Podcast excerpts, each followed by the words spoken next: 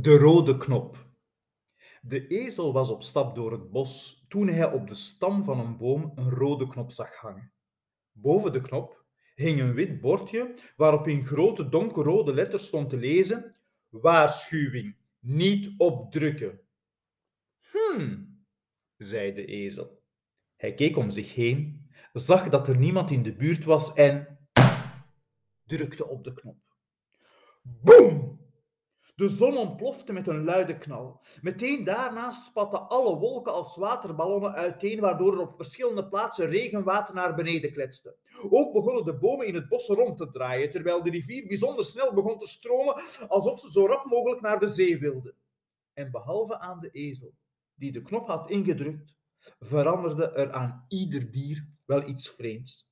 Het everzwijn werd knalgeel, de beer had aan zijn voeten opeens zwemvliezen, waardoor hij zijn poten hoog moest opheffen bij het wandelen. Aan de stekels van de egel verschenen kleine vlaggetjes en, zonder dat hij het wilde, riep hij voortdurend Vlaggetjes te koop! Vlaggetjes te koop! Vlaggetjes te koop! In de slurf van de olifant zat nu een stevige knoop. Die was niet te ontwarmen, wat hij ook probeerde.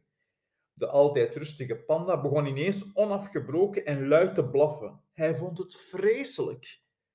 Het lichaam van de slang was niet langer rond, maar vierkant. En zo kon hij zich veel moeilijker voortbewegen. De zwarte strepen van de zebra werden horizontaal, enzovoort en zo verder. De dieren begrepen helemaal niet wat er gebeurde, waarom hem dit overkwam. Hadden ze iets verkeerds gegeten? Waren ze betoverd? Was dit het einde der tijden? De ezel van zijn kant was stom verbaasd over wat de druk op die knop allemaal had teweeggebracht. Hij vond het vooral grappig en leuk. Hij wandelde door het bos, ging van het ene naar het andere dier en gierde van het lachen. Hola, zei hij toen hij de beer zag. Prachtige zwemvliezen.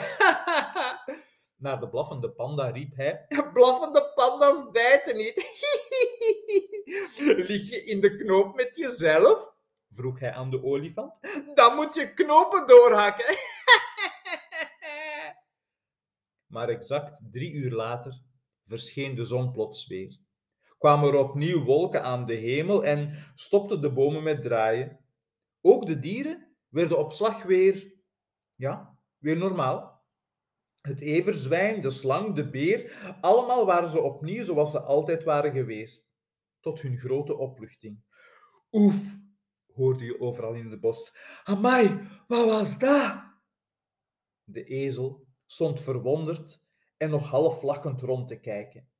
Toen hij opeens zijn huid voelde tintelen en hij van kop tot teen blauw werd, behalve zijn lippen dan. Die werden knalrood, alsof er lippenstift op zat. De ezel had onmiddellijk door wat er gebeurde. Hij rende hals over kop door het bos naar de boom met de rode knop. Intussen groeide er een witte baard aan zijn kin. Toen hij bij de bewuste boom aankwam, drukte hij meteen op de knop in de hoop dat het zou stoppen. Dat gebeurde niet. Integendeel, van het ene moment op het andere stond er op zijn kop een gewei, zoals van een rendier. En aan dat gewei hingen zowaar blinkende kerstballen. In paniek duwde de ezel meermaals de knop in, zonder resultaat. Onder zijn vier poten verschenen plots wieltjes en ineens hing er ook een klein motortje rond zijn nek. Dat motortje sloeg automatisch aan, waarna de ezel vooruit begon te rijden. Zonder dat hij zelf iets kon doen, rolde hij traag door het bos, slalomend langs de onbewegelijke bomen. En hij passeerde tergend langzaam bij ieder dier.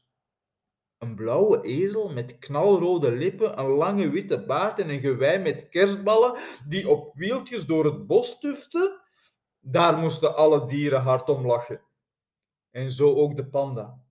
Toen de ezel hem voorbij reed, riep de panda smalend: Wie het eerst lacht, heeft niet goed nagedacht.